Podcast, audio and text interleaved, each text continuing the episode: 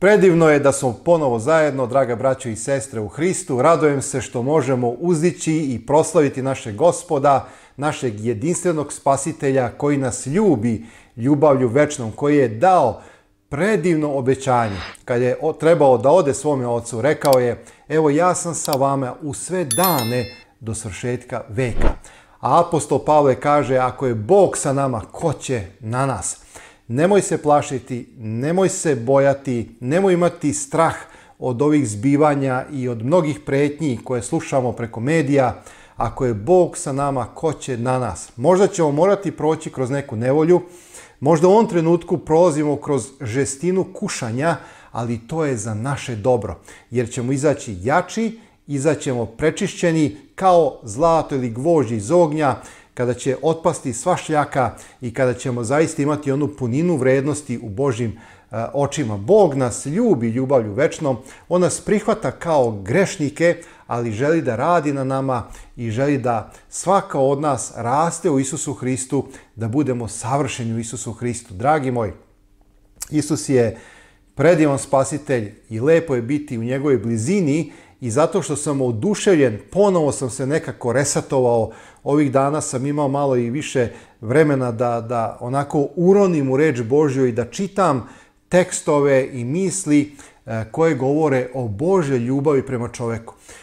Znate zašto je to jako bitno i dobro? Zato što kada čovek se podsjeća da postoji Bog koji nam se otkrio kao naš Otac Nebeski, koga je Isus otkrio, je li tako?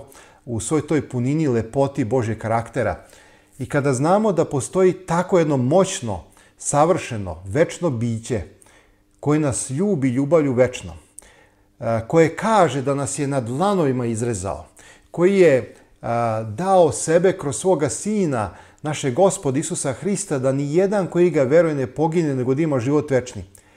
Pa ja mislim, dragi moji, da nema lepše sigurnosti, tog osjećaja unutrašnjeg osvedočenja da nismo sami, da nismo ostavljeni.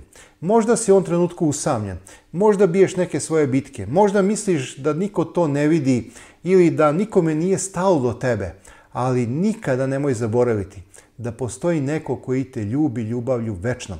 Možda nisi primio dovoljno ljubavi od oca, od majke, od rođaka, od brata, od sestre, ali znaj da je to samo posljedica greha na ovome svetu. Međutim, postoji neko ko nije okaljan grehom, koga greh nije u tom smislu dodirno, koji je u svetlosti koje se ne može pristupiti. Neko ko te ljubi ljubavlju e, večna. I danas želim ukratko da vas podsjetim kroz nekoliko lepih, fantastičnih i moćnih tekstova iz Biblije koliko je velika i snažna Božja ljubav. Ko može nas rastaviti od ljubavi Božje? ni dubina, ni visina, ni kakva druga, druga tvar, kaže, sve mogu Isusu Hristu koji mi moć daje. To su tako moćni tekstovi u ovim teškim, mučnim vremenima, neizvesnim vremenima, kada se priča o nekoj gladi, kada se priča evo, o, o tim ra ratovima koji besne na sve strane, kada se preti jel tako, atomskim, nuklearnim ratom, kada se govori o ovome onome, kada evo ponovo se javljaju neke uh, neki virusi, neke bolesti, sada ove boginje i ko zna šta će sve nas da snađe. Ali ko će na nas, kaže apostol Pavle, ako je Bog sa nama. A Isus je rekao, ja sam sa vama u sve dane do svršetka veka.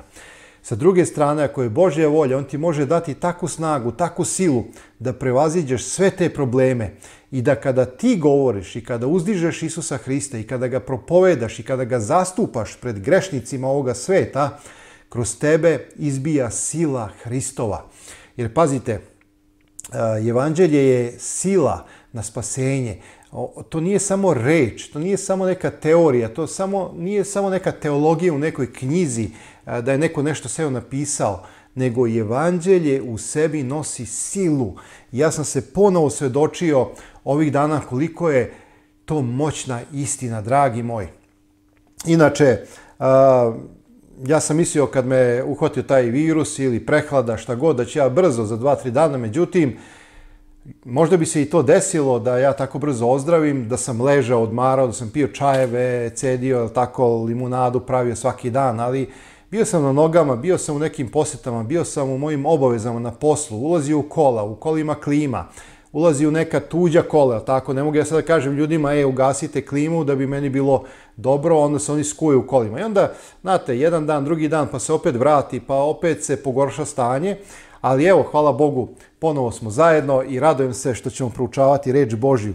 Znači, naslov je Božja ljubav prema čoveku, neshvatljiva Božja ljubav. To je ono što nam je potrebno kao hleb nasušni u današnjem teškom vremenu otuđenja, kada ljudska ljubav hladi, kada se umnožava bezakonje, kada osjećamo neizvesnost, kada osjećamo zemlju, kada mislimo da nas niko ne razume i da nikome nismo potrebni i da smo možda mnogim ljudima dosadni, jer sam sve to slušao da su realni ljudski problemi ovih dana, da prosto mnogi ljudi su u nekoj samoći, a, kao da gube smisao života kada gledaju sve ovo što se događa, kada slušaju medije, Eh, i sve ono što se eh, nagoveštava da bi mogao biti scenarij koji nas čeka oko nove godine, zime, proleća sledeće godine, kada su u pitanju tako i hrana i nestašica hrane, gladi, pomori, bolesti, ko zna šta. Ali ajde, Bože ljubav prema čoveku, o tome ćemo razmišljati. Ja vas samo podsjećam,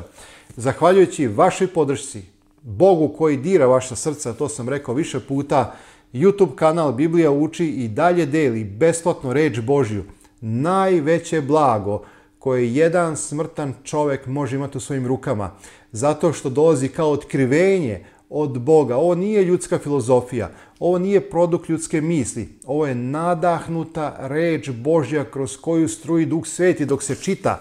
U njoj nam je dato spasenje. U njoj nam je Bog otkrio i prošlost i sadašnjost i budućnost. U njoj je mnogo stihova koji daju obećanje, koji jačaju našu nadu. I zato, dragi moji, nema, nema većeg blaga. I YouTube kanal Biblije uči upravo iz tog razloga deli besplatno reč Božju. Tu su još uh, novi srpski prevod, veći i manji format, Znači, ovaj plavi format imam samo na ćirilici. Mnogi ste od vas tražili na latinici, znači nemam na latinici, samo ćirilica, a ovaj crni format je na latinici.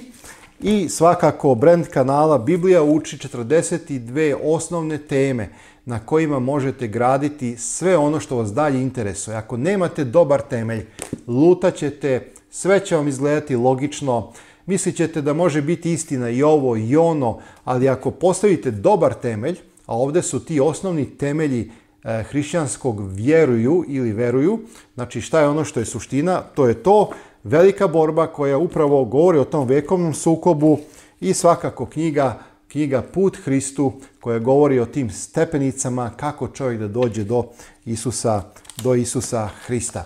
Evo, dragi moji, Dozvolite samo kratko da se pomolim, jer želim da nas Duh Sveti silno svedoči kada je u pitanju ova predivna istina o Božoj ljubavi koja je tako potrebna danas. Oče naš nebeski, koji si pun ljubavi prema nama, jer si i svoga sina dao da nijedan koji ga veruje ne pogine, nego da ima život večni.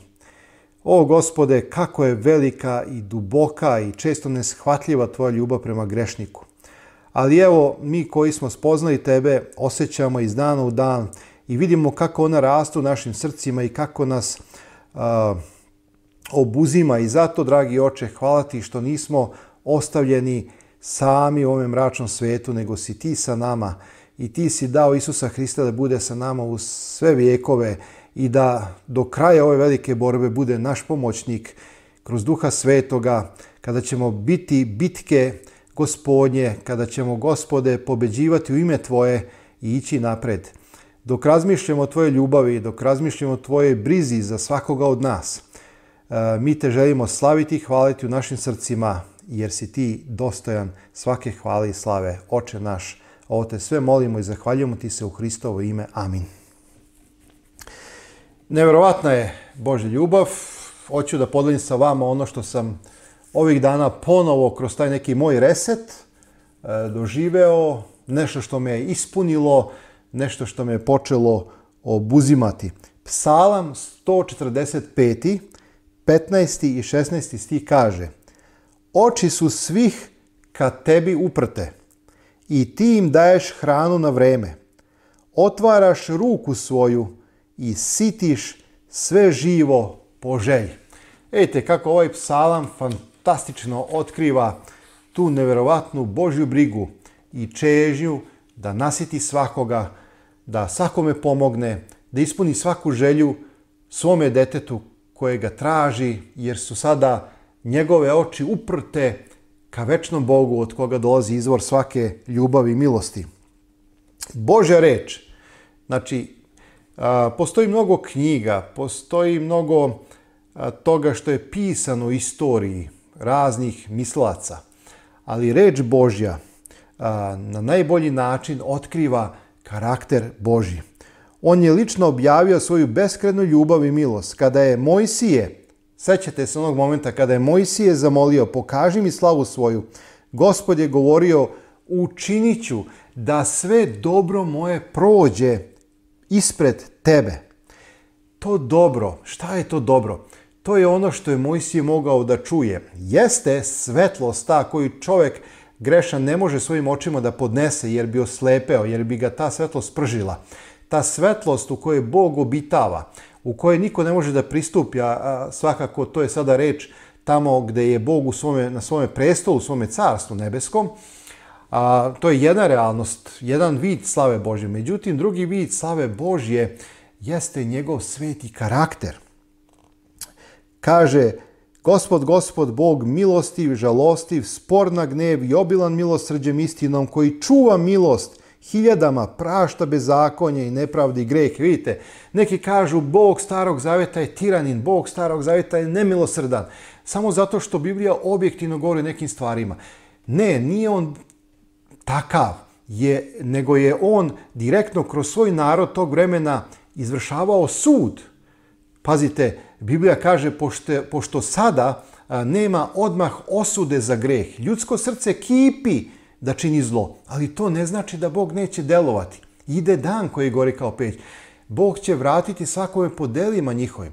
Znači, u Hristovom drugom dolasku kaže, mnogo će biti pobijenih od slave Božje i tako dalje. Znači, nemojmo se varati, pošto je sada milost da eto, je Bog drugačiji, onda je, sada je milostiv, onda nije bio milostiv. Pa bio je milostiv i onda, jer se Bog ne menja.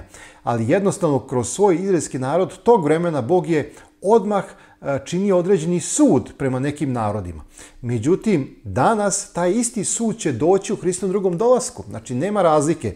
Bog starog zaveta, kako neki kažu, za mene je to jedan Bog, ali Bog starog zaveta, kako neki kažu, je isti, dragi moji, Bog kao i novog zaveta. On se smilovao na tebi i na mene kroz Isusa Hrista. On je dao svoga sina. Nema tu nikakve razlike. I vidite, Bog milostiv, žalostiv, spor na gnev, obilan milosrđem istinom, koji čuva, vidite, i prašta.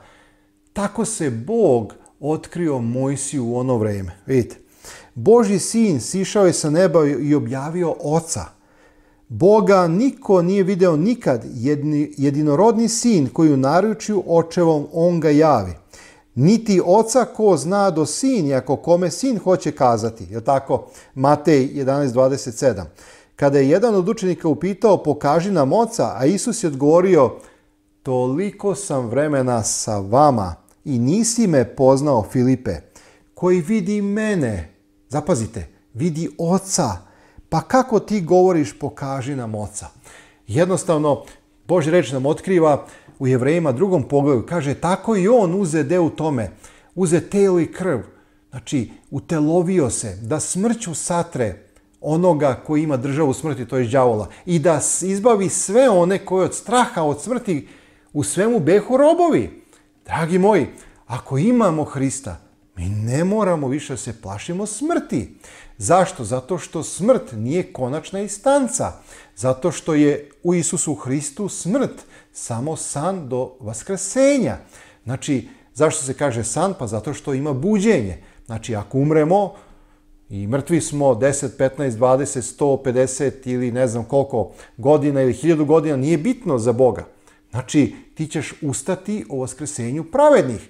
I vidite, to je ta predivna Božja ljubav koja se otkriva u čoveku, jer je dao život večni. I kaže, koji vidi mene, vidi oca, pa kako ti govoriš, pokaži nam oca. Znači, drugim rečima, Isus je u svemu bio poslušan očevoj volji, jer je tako bio ispunjen plan spasenja. Prvi Adam koji je zgrešio i uveo ovaj svet u greh, i, i bezakonje i smrt, sada dolazi drugi Adam, je tako, na osnovu Korinćevan poslanica apostola Pavla, koji je u svemu poslušan i izbavlja čovečanstvo i vraća autoritet onaj koji je đavo oduzeo prvom čoveku zbog pada u greh. Znači, sada Isus, on nije nikako manji od oca u smislu, ali on se ponizio. Sećate se Filipljanima druga glava, on se pokorio, ponizio do same smrti. On je taj koji je prao nogi učenicima kaže e, Petar, nećeš ti moji, a Isus kaže, ako ja, gospod i učitelj, oprah vama noge i vi, i vi ste dužni. Znači, Isus se ponizio, on je prao noge učenicima. On je bio poslušan očevoj volji do same smrti. Sećate se te velike borbe u Gecimani. Tri put Isus oca moli, odgovor je uvek isti. Jagnje mora da se preda grešnici će biti čisti. Ustanite sad da idemo. Evo, čas moj nastaje juda, poljubac mi daje. To su reči jedne stare pesme. Ali vidite, tri put Isus od... nema drugog puta. Jedini put za spasenje čovečanstva jeste put Golgote, put krsta. Neshvatljiva je Božja ljubav, a mi tako često uzimamo Božje ime uzalud. Mi tako često zaboravljamo da je Bog tako brižni otac prema svakome od nas. On je dao svoga sina, on je dao da sav gnev i sva kazna i sva osuda zbog greha padne na njega da bi ti i ja imali život večni. To je neverovatna stvar, braćo i sestre, neverovatna stvar. Isus nije skrivio ni jednu reč uh, istine, Znači, Isus nije skrivao ni jednu reč istine, ali je tu reč uvek u ljubav iznosio. U svojim odnosima sa ljudima pokazivao je uzvišeno, istančano razumevanje, ozbiljnu ljubaznu pažnju. Nikada nije bio grub, nikada nepotrebno nije izgovorio oštu reč, nikada nije zadao bol osjetljivoj duši. Nikada nije prekoravao ljudsku slabost. Koliko puta mi osuđujemo ljudske grehe i ljudske slabosti? Koliko puta mi kažemo vidi ga kakav je, ovakav je, onakav je, pa počnemo da pričamo, da ogovaramo i tako dalje. Isus nikada nije prekoravao ljudsku slabost. Zapazite dalje, osuđivao je licemerstvo, neverstvo i greh, ali kada je izricao oštre ukore, u njegovom glasu osjećale su se suze. To je milosti Bog e, ko, koji ne može da gleda kako njegovo dete pati. Bog a, koji ne može da podnese e, ljudske suze, a, koji želi da uzdigne. A, e, tamo kaže, trske stučene neće prelomiti, veštila koje se gasi neće ugasiti. Znači, Isus će učiniti sve da bi onog najslabijeg, onog najranjivijeg, podigao, uzdigao, da bi mu dao šansu da, da ide napred.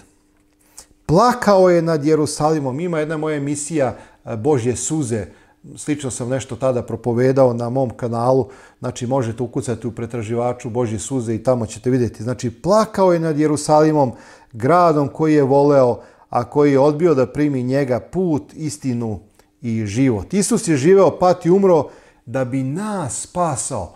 Pa zar to ne govori dovoljno o Bože ljubavi prema čovjeku? Zašto je on to mora da uradi? Pa mogo je samo da uradi ovako, da uništi sve i Sotonu i sve anđele, predstavnike, sve svedoke i ponovo sve da stvori. I jednostavno niko ne bi ništa znao. Znači, Bog je mogao, ali pošto je Bog, Bog ljubavi a, i Bog koji poštuje slobodu, on to nije uradio, zato je Bog. Zato je Bog dostojan slave, hvale, obožavanja. I ono što je najlepše u celoj priči, Kada se ovo završi, kada se ova agonija dovede svome kraju, neće više biti ni plača, ni vike, ni bolesti, ni smrti, jer prvo prođe, to je otkrivenje 21. poglavlja. Postao je čovjek bola da bismo mi mogli postati sudeonici u večnoj radosti. Bog je svom ljubljenom sinu punom blagodati istine dopustio da dođe i sveta neopisive slave u svet koji je uništen i pokvaren grehom, a onda na njega koji je bio nedužan, koji je bio bezgrešan, koji je bio apsolutna ljubav i činio samo dobro, izlio puninu gneva na krstu Golgote, jer je neko morao podneti kaznu i bol. Neko je to morao uzeti na sebe umesto nas. Isus je to uradio. Kako onda da ne volimo i ne obožavamo takvog spasitelja? Kako onda da svoj život ne posvetimo takvom spasitelju kao što je Isus Hristos? Pa za njega, dragi moji, vredi umreti. Isus je rekao, koji čuva život svoj, izgubit će ga, a koji izgubi život svoj, mene radi, naći će ga. Zato što je Bog moćan i silan da vrati čovjeka u postojanje. Prečisti Boži sin uzeo je na sebe teret greha On koji je bio jedno sa Bogom osjećao u svojoj duši užasnu odvojenost i zato je na krstu bio onaj krik Bože moj, Bože moj, zašto si me ostavio? Pa gresi razdvajaju Boga od čoveka. Kada je Isus učinjen grehom, u smislu kada su gresi celog sveta došli na Hrista, u tom momentu je Isus osjetio to razdvajanje i tada je njegovo srce puklo. I kad ga je vojnik probio koplje, iz rebara je izašla voda i krv, što znači da je srce puklo od tog bola i tereta. Oče moj, to je krik, krik u tami. To je krik koji je dat za svakoga od nas. Evo, to je ono o čemu sam razmišljao. I dragi moji, kada shvatimo kakvog Boga imamo, svi naši problemi, kakvi god bili, odjednom postaju tako mali. Koliko god bili do tada u našim očima, oni su sada odjednom mali, zato što je tako velik Bog kojem, kojem mi služimo, koga mi poznajemo i koga mi obožavamo. Cena je plaćena za naše spasenje. Beskonačna žrtva našeg nebeskog oca koji je dao svoga sina da umre za nas treba da pokrene svakog čoveka da razmisli o smislu svog života. Vidite kakvu nam je ljubav dao Otac da se deca Božje nazovemo i budemo. 1. Jovanova 3, 3.1 Neuporediva Božja ljubav usmerena svetu koji ga nije voleo. I dalje je usmerena ka tom istom svetu. Bog se ne menja, Bog ne odustaje. Bog će do zadnjeg časa biti uporan da nađe i spase ono što je izgubljeno. Ti, brate moji i sestro, i ja smo Božje produžene ruke i noge u ovome svetu. Mi smo njegov dodir ovim ljudima koji su napaćeni. Naša ruka na ramenu umornog čoveka kome treba uteha je Božja ruka. Bog je poslao nas da pozovemo ovaj svet u ime njegovo da se pomiri sa Bogom, da bi dobio mir, da bi dobio sigurnost i da bi dobio nadu. Mnogo je još ljudi oko nas koji tumaraju, koji besciljno žive, koji su u nekoj agoniji, u strahu, koji doživljavaju besmisao života. Mnogo je. Hajde da dopremo do njih. Hajde, dragi moji, da se što više ljudi spasi dok ima vremena milosti. Mi živimo kao u vreme Nojevo. Noje je propovedao 120 godina, a onda je došla 120. godina. Do te godine ljudi su rekli, ma pusti onog tamo starca lupeta gluposti, ma pusti, to je neki teoretičar zavere, ma kakav Bog će uništiti, pa neće Bog uništiti sve ono što je stvorio. Ma uživajte, pijte, ženite se, udajte se, radite šta hoćete, pustite ovaj čovjek samo straši e, narod nekim sudom i nekim potopom i tako dalje. A onda je došao čas kada su životinje počele da ulaze, Noje je ušao s porodicom i došao anđeo gospodnji i zatvorio vrata. Malo su se ljudi ovako pitali šta je sada ovo, a onda su počeli da se rugaju. E, ovaj je stvarno prolupo, evo i na kraju ušao u tu barku i onda su ljudi, ko zna šta sve oko te nove barke radili, gađali možda kamenjem, prozivali Noja, izađi evo, sunce sija, evo ovo. Međutim, nakon sedmog dana kako su ušli, ustave nebeske su se otvorile. Kiša je počela da pada, voda je šiknula iz zemljine kore i za 40 dana najveći tadašnji vrh bio je prekriven sa 15 lakata, njihovih lakata, onih ljudi pretpotopnih, ne naših malih lakata. I sve što ima dušu u nosu ili taj duh životni je izginulo pod nebom. Samo je Noe preživao sa svojim porodicom. To je slika, dragi moji, našeg vremena. Sve izgleda fino, evo idemo, sutra ćemo, ovo ćemo, ono ćemo, idemo malo da lumpujemo, idemo malo se ovaj, provodimo. Nije to loše, treba čovjek da živi, da uživa u životu, ali u strahu gospodnjem. To je velika razlika. Ne kao da nema Boga i da se ništa ne dešava, nego u strahu Božjem, u ljubavi Božje. I onda je čovjek e, siguran. Dragi moji, ovde ćemo završiti. Znači, uživajte u ljubavi Bože, čitajte o tekstovima, a Biblija je puna tih tekstova koji govore koliko nas Bog ljubi. To će doneti tebi sigurnost, doneće ti hrabrost, doneće ti smisao života, jer ćeš znati da tvoja borba, iskušenja kroz koje prolaziš, nevolje koje imaš u životu nisu besmislene i imaju svoj neki smisao. Jer i sama reč Bože nam govori u tom nekom parafraziranom smislu da Bog nije obećao da će ukloniti oluje iz naših života, ali je obećao da će biti sa nama u tim olujama.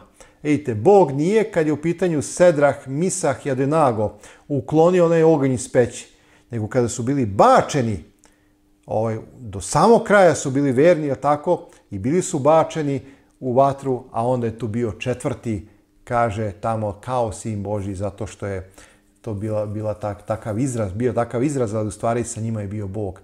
Nije im se ni kosa opalila, ni haljina im se nije osetila na vatru ni na dim, jer je Božja sila velika. Oni kanapi, oni povojci sa kojim su bili vezani su im popadali s ruku, ali oni su bili u Hristu i sa Hristom, sa, to jest bili su izbavljeni iz tog ognja. To je ono što će se desiti pred sam kraj, jer će nas Bog izbaviti od tog ognja koji ide, o kojem gori prorok Malahija i ta zadnja generacija koja živa dočeka Hrista, koja god da bude, a, bit će zaštićena od tog ognja koji će sažeti i uništiti ovaj svet. Prvi svet je bio uništen vodom, ovaj drugi će biti uništen vatrom. Oni koji su u veri i sa Hristom i koji ljube Boga svojim srcem, svojim umom, svojom snagom i tako dalje, E, će biti zaštićeni u tim trenucima, a već i sada u svakodnevnom življenju. Sve vas volim, idemo napred, ponovo smo zajedno, nema odustajanja, dok ima snage u nama, dok ima mogućnosti na ovaj način da se propoveda, dok ima mogućnost da se deli sve ono što uzdiže i proslavlja Hrista, tu smo braćo i sestre i neka nas dragi Bog blagoslovi. Još ima mnogo, mnogo, mnogo onih koji treba da dođu za trpezu sa Avramom, Isakom i Jakovom u carstvu Božjem. Hajde da učinimo da se još neko spasi. Vidimo se uskoro u nekoj od narednih emisija. Svako dobro!